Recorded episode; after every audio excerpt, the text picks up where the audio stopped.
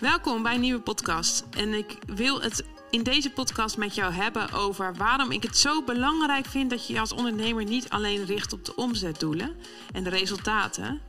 En um, ja, naadloos ga ik daar dan in verder in hoe jij er eigenlijk onbewust voor zorgt dat jij je eigen glazen omzetplafond niet breekt. En dat heeft alles te maken met dat je jezelf in alles meeneemt. We gaan er vandaag op in, uh, induiken, de induiken, laat ik het zo zeggen. En uh, ja, laten we beginnen.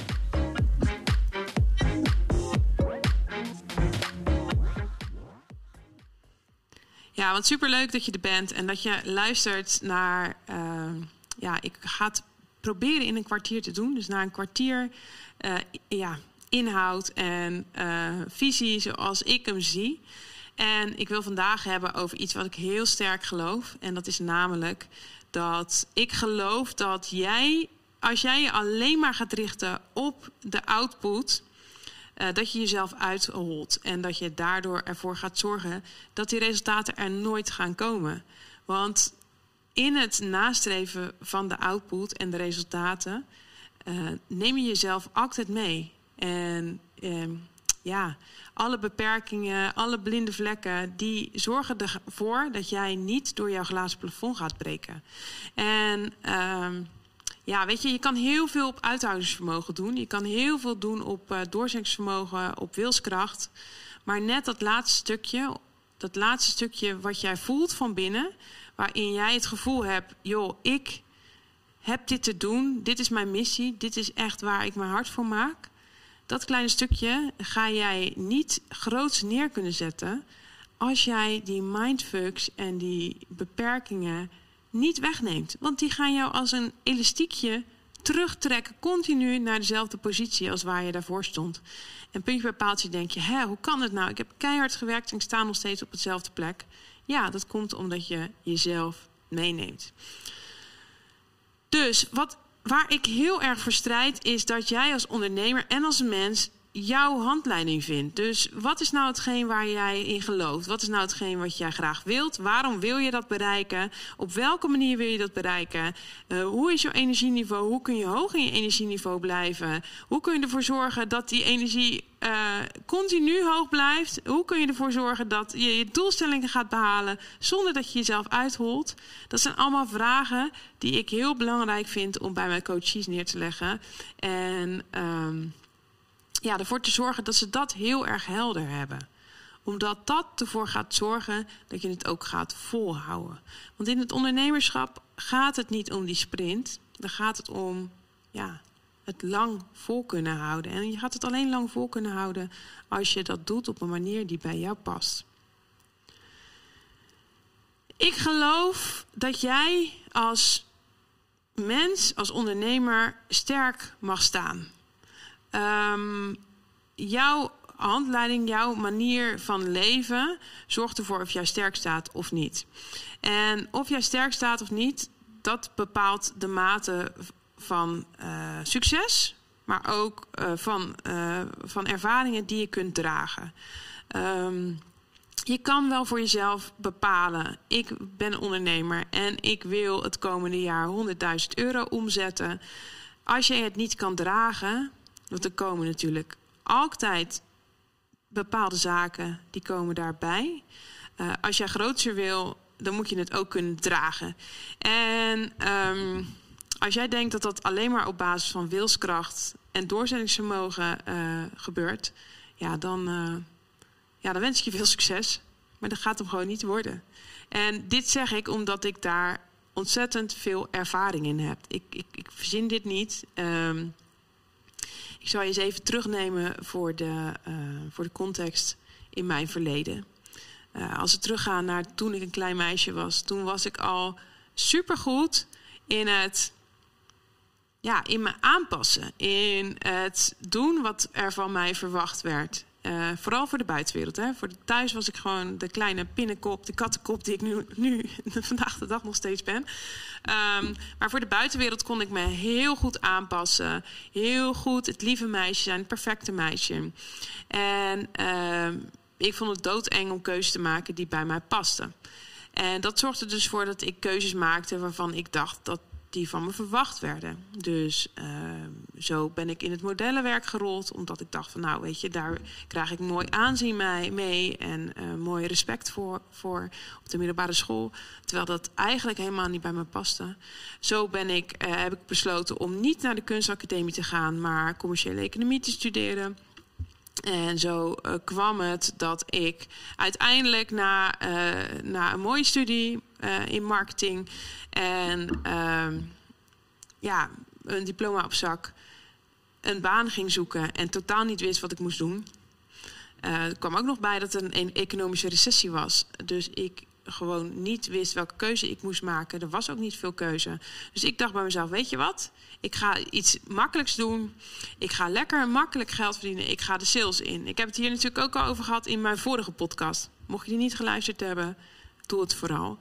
Uh, daar vertel ik jou mijn uh, relatie tot sales door de jaren heen. En uh, ja, dat, dat start dus hier bij die keuze om na, na, na de, de, de, de, het HBO uh, in de sales te rollen. Nou, laten we even fast forward naar een aantal jaar verder. Uh, ik had een succesvol leven. Ik had een mooie functie in de sales, hoge targets, mooie baan, uh, mooie auto van de zaak. Ik had een prachtig appartement op uh, de 27e verdieping in de Rotterdamse woontoren met uitzicht op de skyline. Ik had mooie hippe feestjes, de mooiste kleding, mooie reisjes. Ik had geld genoeg, ik had alles. Ik had alles wat ik wilde, had ik. En ik was niet gelukkig. En dagelijks reed ik met tranen in mijn ogen naar mijn werk. Omdat ik het gevoel had dat ik mijn plek niet had gevonden. Dat er meer in me zat, maar niemand die het zag. Niemand die uh, tegen mij zei: Ik ga je verlossen. Je gaat nu dit doen en daar vind je je geluk.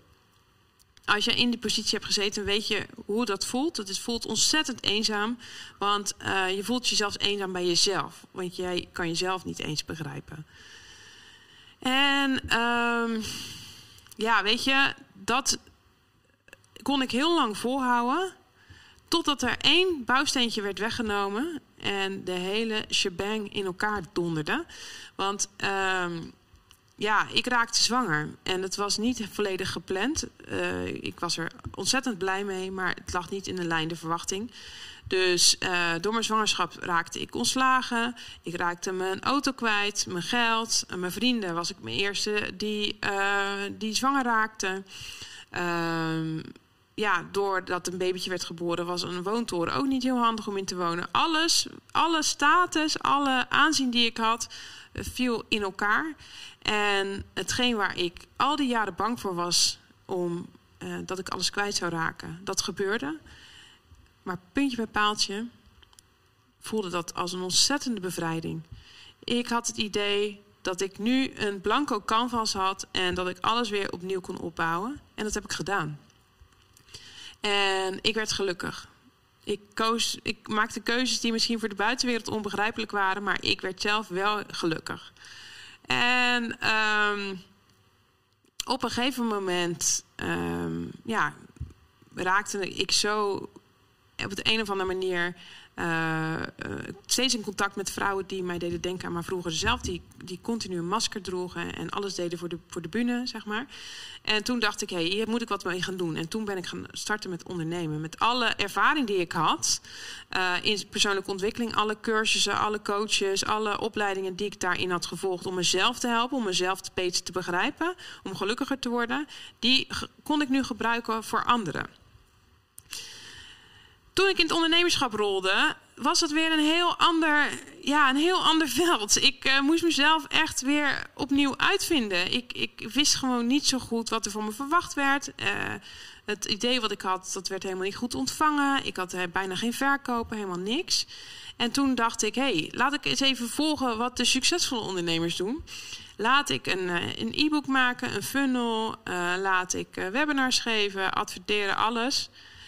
Um, en ja, toen was ik dus weer in de valstrik gelopen, mijn eigen valstrik, om keuzes te maken die van mij verwacht werden, die niet per se bij mij pasten.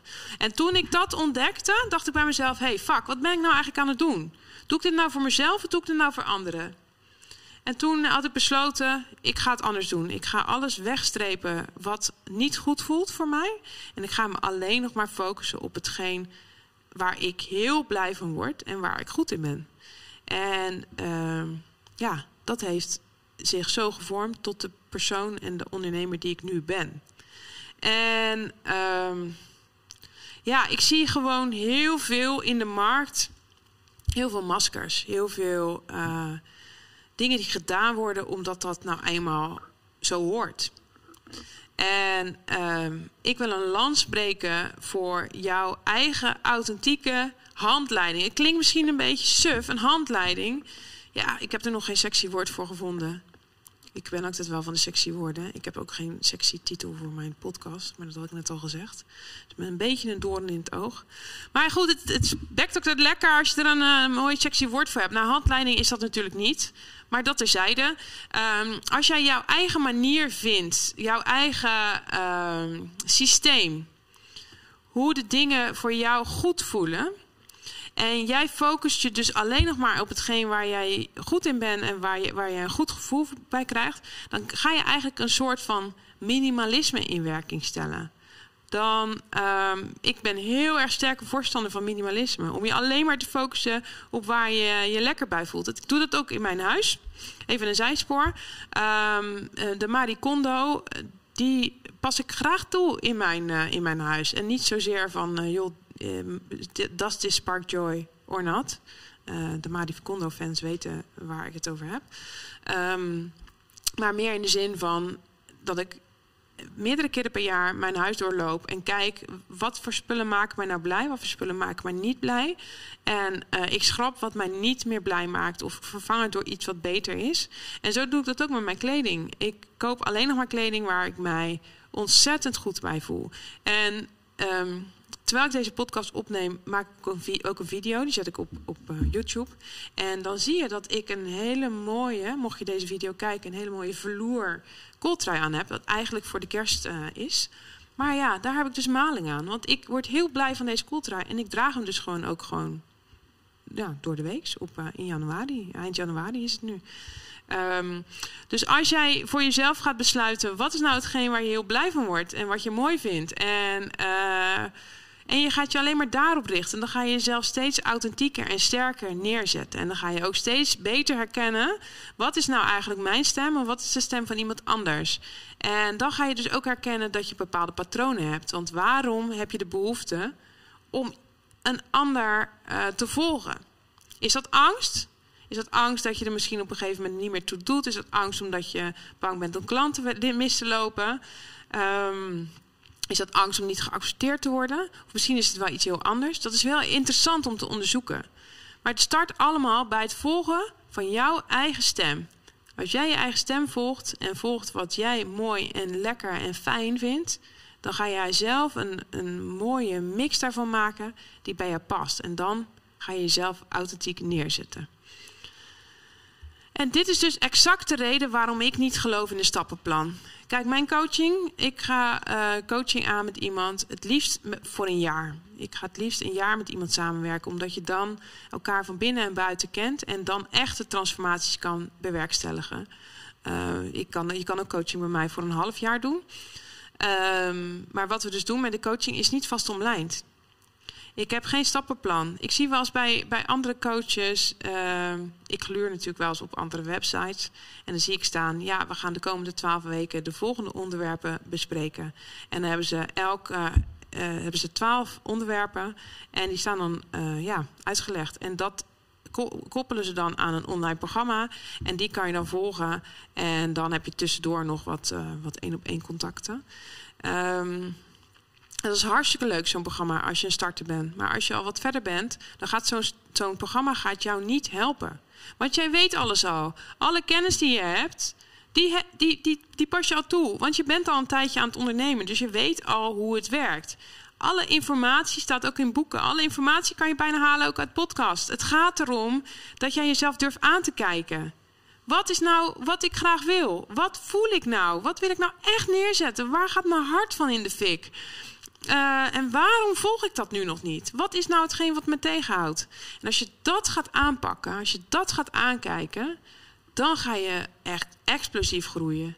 Want dan zal je zien dat alles wat jij wil, dat dat ook te creëren is in tussenstapjes. En misschien niet exact te creëren zoals je het wilt, maar wel iets wat daar heel dichtbij in de buurt komt, waar je echt een goed gevoel over krijgt.